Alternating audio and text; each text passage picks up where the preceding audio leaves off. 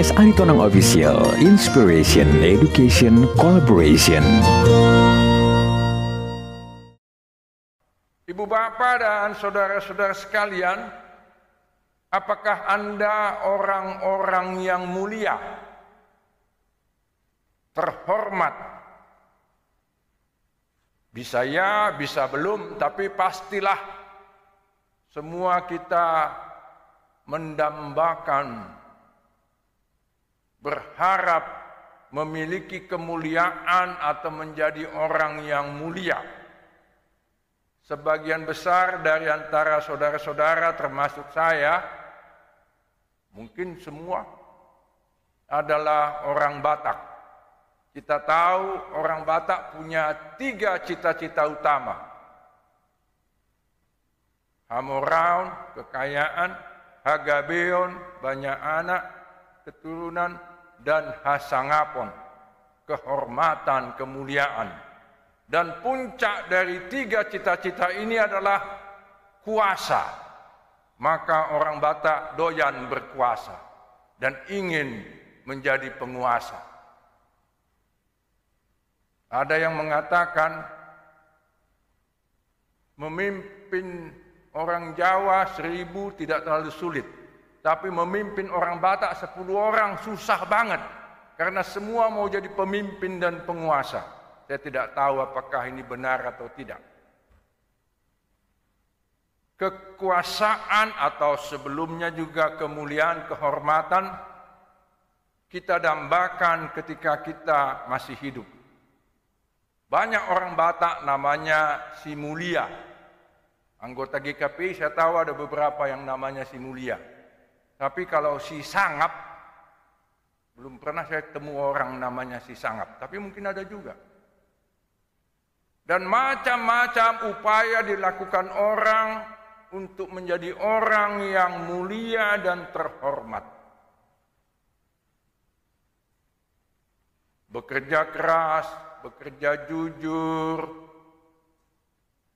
melakukan banyak hal yang baik. Kalau nanti mengawinkan anak, perempuan atau laki-laki, kalau bisa di gedung mulia raja. Nah, karena itu katanya gedung yang paling top. Siapa yang berpesta di situ jadi mulialah dia dan mudah-mudahan jadi raja juga. Dan tidak hanya pada waktu hidup orang mau menjadi mulia. Saya sering menghadiri upacara kematian, terutama di kalangan orang Batak dan keluarga selalu berusaha supaya kematian orang tuanya atau anggota keluarganya itu sangap. Sampai ke kuburan pun sangap. Antara lain supaya bisa di San Diego Hills. Karena yang mati di San Diego Hills katanya lebih sangap daripada yang di Tegal Alur. Tuhanlah yang tahu. macam-macam cara orang untuk menjadi mulia dan sangap. Baik hal-hal yang baik maupun hal-hal yang kadang-kadang kurang baik. Ada orang termasuk halak kita yang berusaha untuk mencapai gelar-gelar yang hebat termasuklah gelar Kanjeng Raden Tumenggung supaya lebih mulia, lebih terhormat. Bahkan ada juga yang menjadi koruptor lalu mempersembahkan sebagian dari hasil korupsinya entah ke gereja ataupun ke persekutuan marga dan keluarga supaya sangap. Ada yang disebut teologi korupsi. Kalau Anda korupsi, lalu mempersembahkan 10% hasil korupsimu, maka kamu bebas dari kesalahan melakukan korupsi dan engkau akan lebih terhormat. Saya pasti akan mengatakan ini teologi abal-abal. Menyesatkan, tapi banyak orang yang menganutnya, apa pun agamanya. Nah, ibu bapak dan saudara sekalian, nas ini dimulai dengan hal kemuliaan. Demikian pula Kristus tidak memuliakan dirinya sendiri dengan menjadi imam besar, tetapi dimuliakan oleh Dia yang berfirman kepadanya dan seterusnya. Yesus dimuliakan. Kalau kita baca nas ini dalam bahasa Batak, di situ tidak dipakai kata dipasangap, tapi marsahala. Rupanya sahala itu juga adalah bagian dari kemuliaan. Ada anggota jemaat ini namanya si sahala. Enggak ada ya? Sayang sekali ya. Banyak halak kita yang namanya sahala atau marsahala. Tuhan Yesus tokoh yang diparsahalai, marsahala, dimuliakan. Tapi dengan cara bagaimanakah Tuhan Yesus dimuliakan? Apakah dengan cara mengejar kemuliaan dengan berbagai cara? Atau meminta orang supaya memuliakan, menghormati pasangapun dia? Ternyata tidak demikian. Di satu sisi memang seperti kita baca di dalam nas ini, Allah Bapaknya sendiri yang memuliakan dia. Ayat yang dikutip pada ayat 5 ini atau nas yang dikutip pada ayat 5 ini diambil dari Mazmur 2 ayat 7 yang berisi firman Allah pada waktu seseorang dilantik menjadi raja. Di situ dikatakan, anakku engkau, engkau telah kuperanakkan pada hari ini.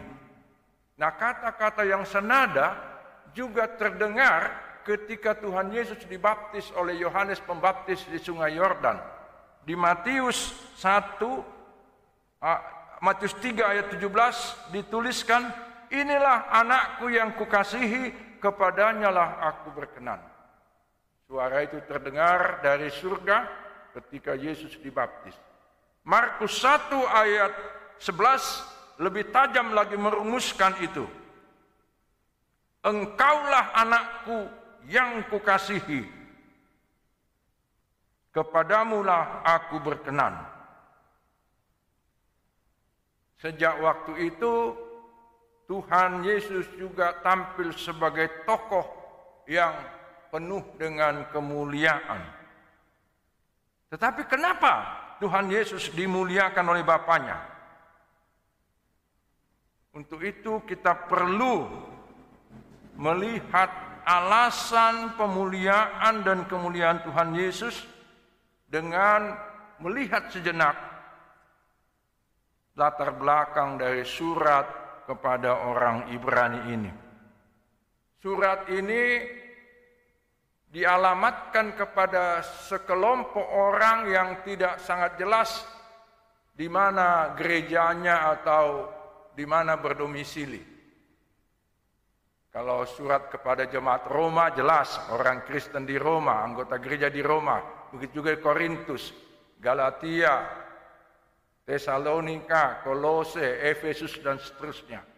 Tetapi orang Ibrani ini sama itu dengan orang Israel atau orang Yahudi, mereka adalah orang yang tersebar, berserak, berdiaspora ke berbagai penjuru Timur Tengah atau Laut Tengah, Mediterania, sudah sejak mereka mengalami penjajahan dan kemudian pembuangan oleh kekaisaran atau kerajaan Assyria, lalu Babilonia, lalu Persia, dan seterusnya. Ratusan tahun mereka dijajah dan dikuasai oleh bangsa-bangsa lain, bahkan dipaksa untuk keluar dari negeri mereka, dan kemudian sejumlah orang Ibrani ini menjadi orang Kristen. Itu kita lihat mulai dari peristiwa Pentakosta yang dituturkan dalam kisah para rasul 2 dan juga di tempat-tempat lain. Jadi orang Ibrani pertama-tama adalah orang Kristen asal Ibrani atau Yahudi yang sudah berserak, berdiaspora.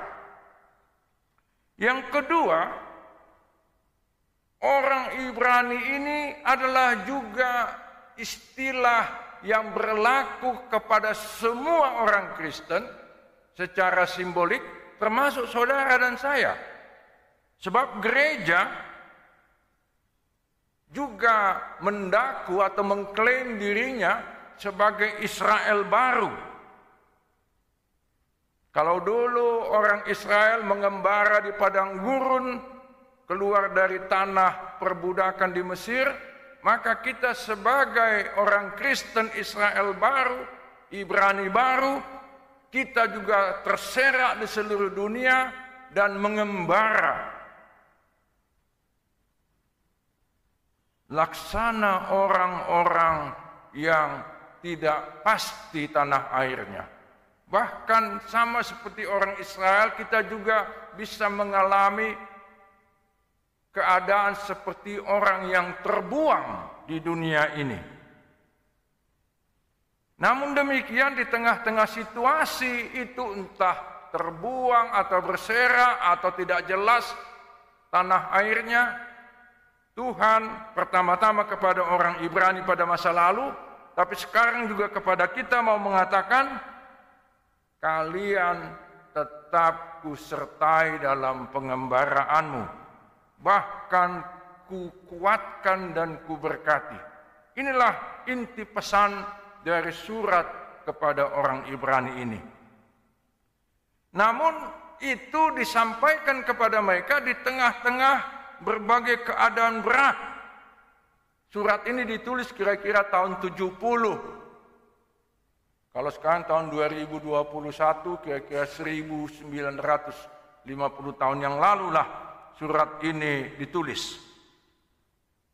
Ketika surat ini ditulis dan dikirimkan, banyak orang Kristen yang mengalami keadaan berat, ada yang dipersekusi, ditindas, dihambat atau dianiaya, ada yang diusir dari tempat tinggalnya, dan macam-macam penderitaan lain. Tapi juga di sisi lain ada orang-orang Kristen yang larut dalam berbagai kenikmatan di dunia ini, tergoda untuk melakukan hal-hal yang dianggap menyenangkan dan menggiurkan.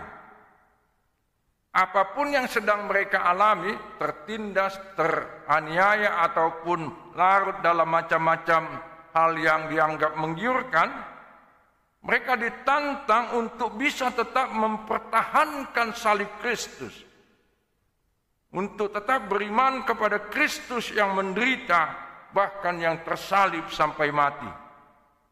Nah surat ini hendak menolong pembacanya agar tetap setia beriman dan bersemangat, tidak kehilangan arah maupun harapan, dan tidak juga berkompromi dengan macam-macam godaan yang menggiurkan. Dan pesan ini jugalah yang mau disampaikan kepada kita.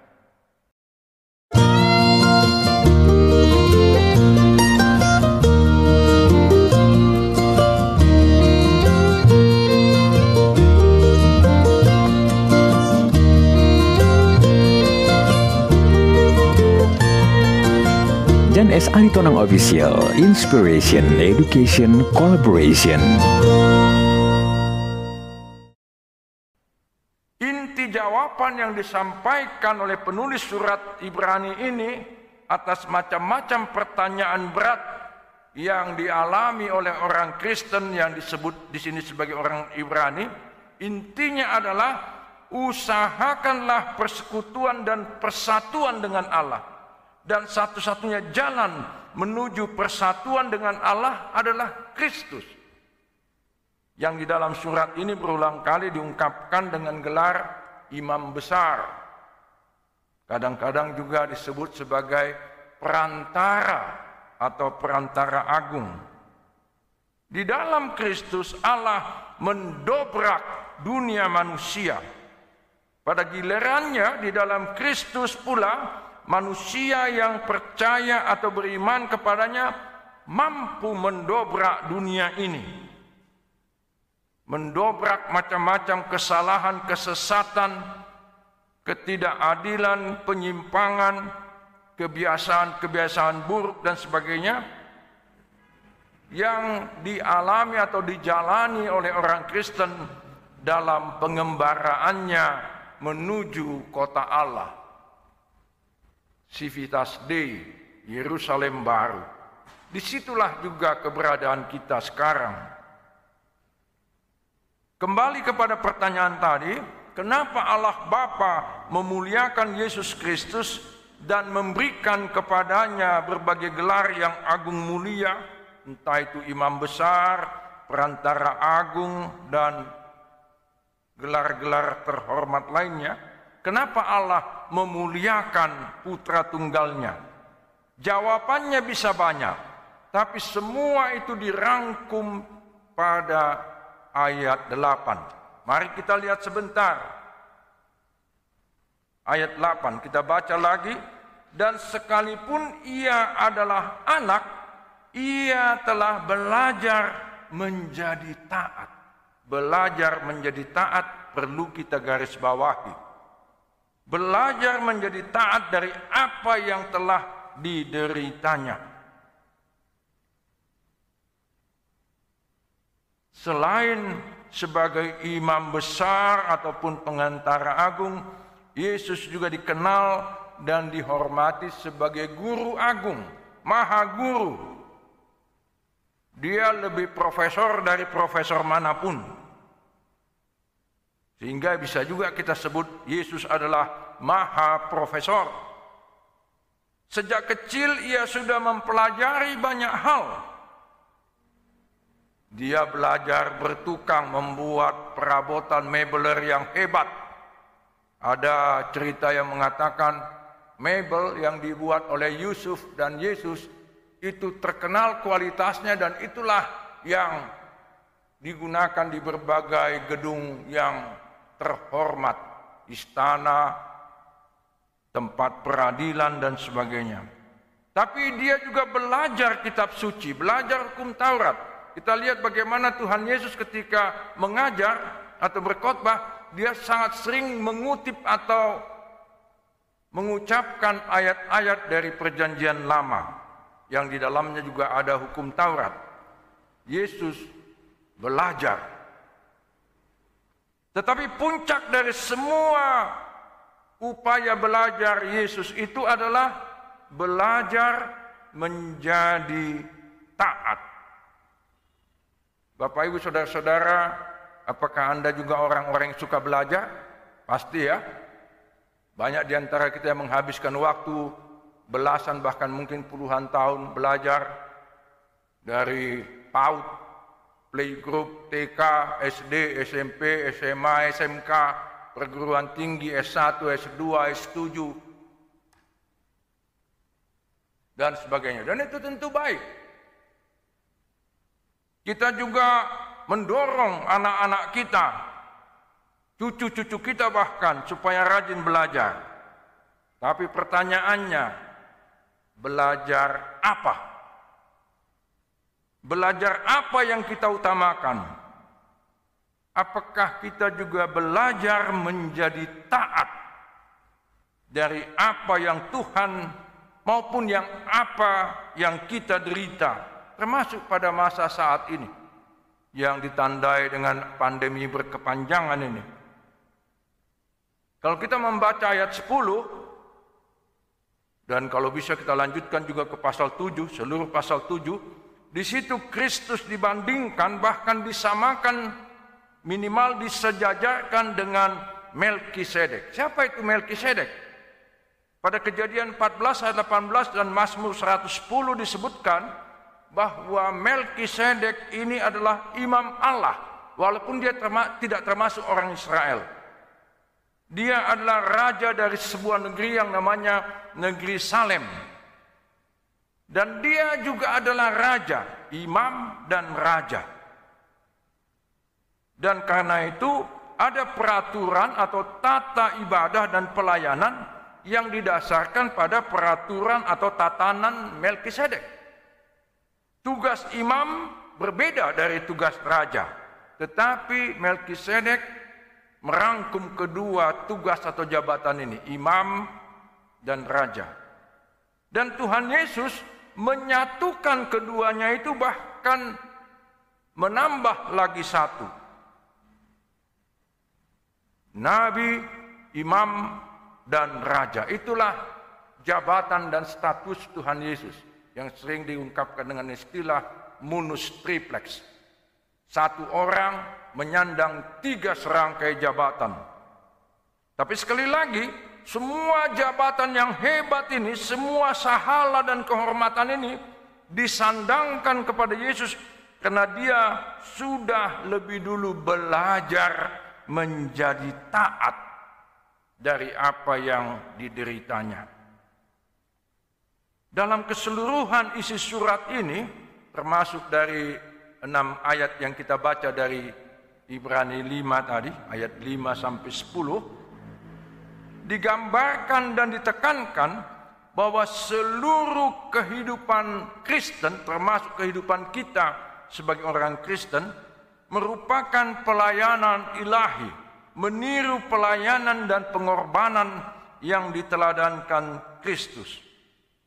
Kita sebagai umat yang beriman kepada Kristus ambil bagian di dalam pelayanan itu di bawah bimbingan dan pertolongan imam besar kita itu yaitu Kristus itu.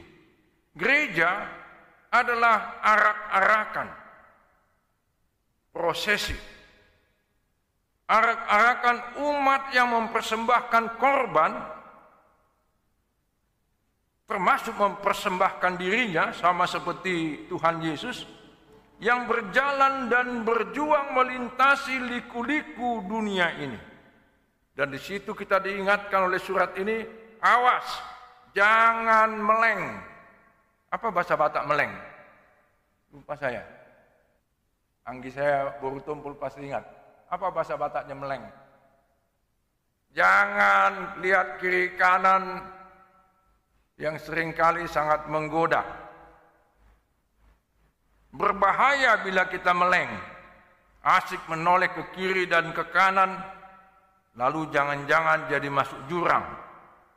Nah, dalam surat ini kita melihat selang-seling antara bahaya yang mengancam dan janji keselamatan dari Tuhan.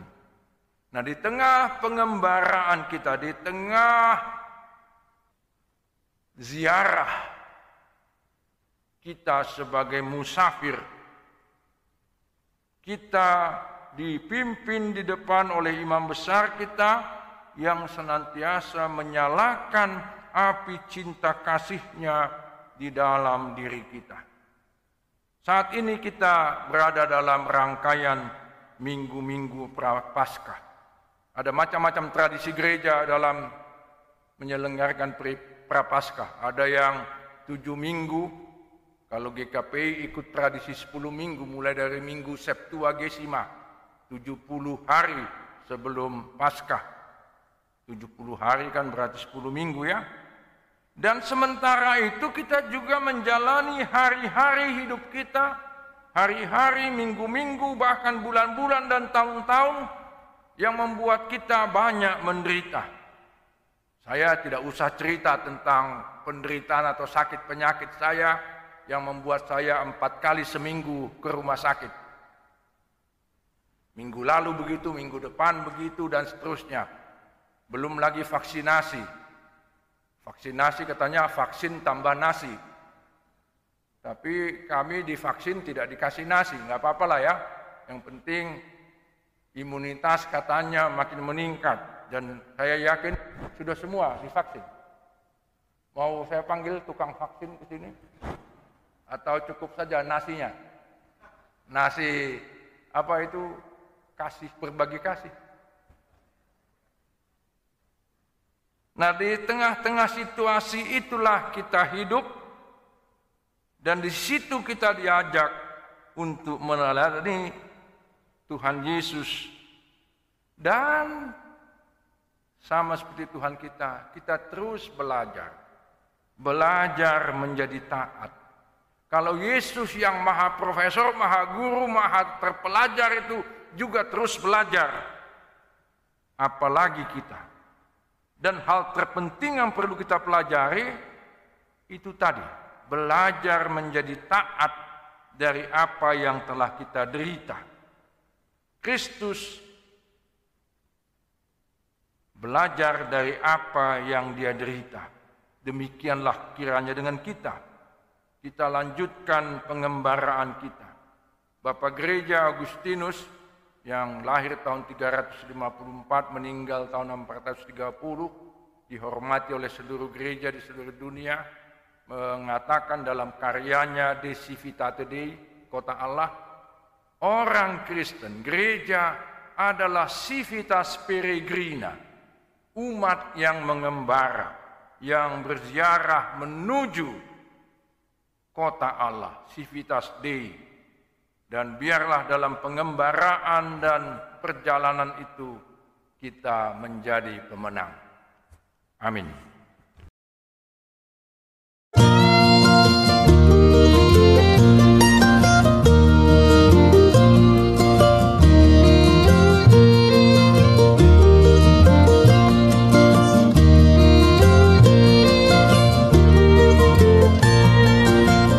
S. Aritonang Official Inspiration Education Collaboration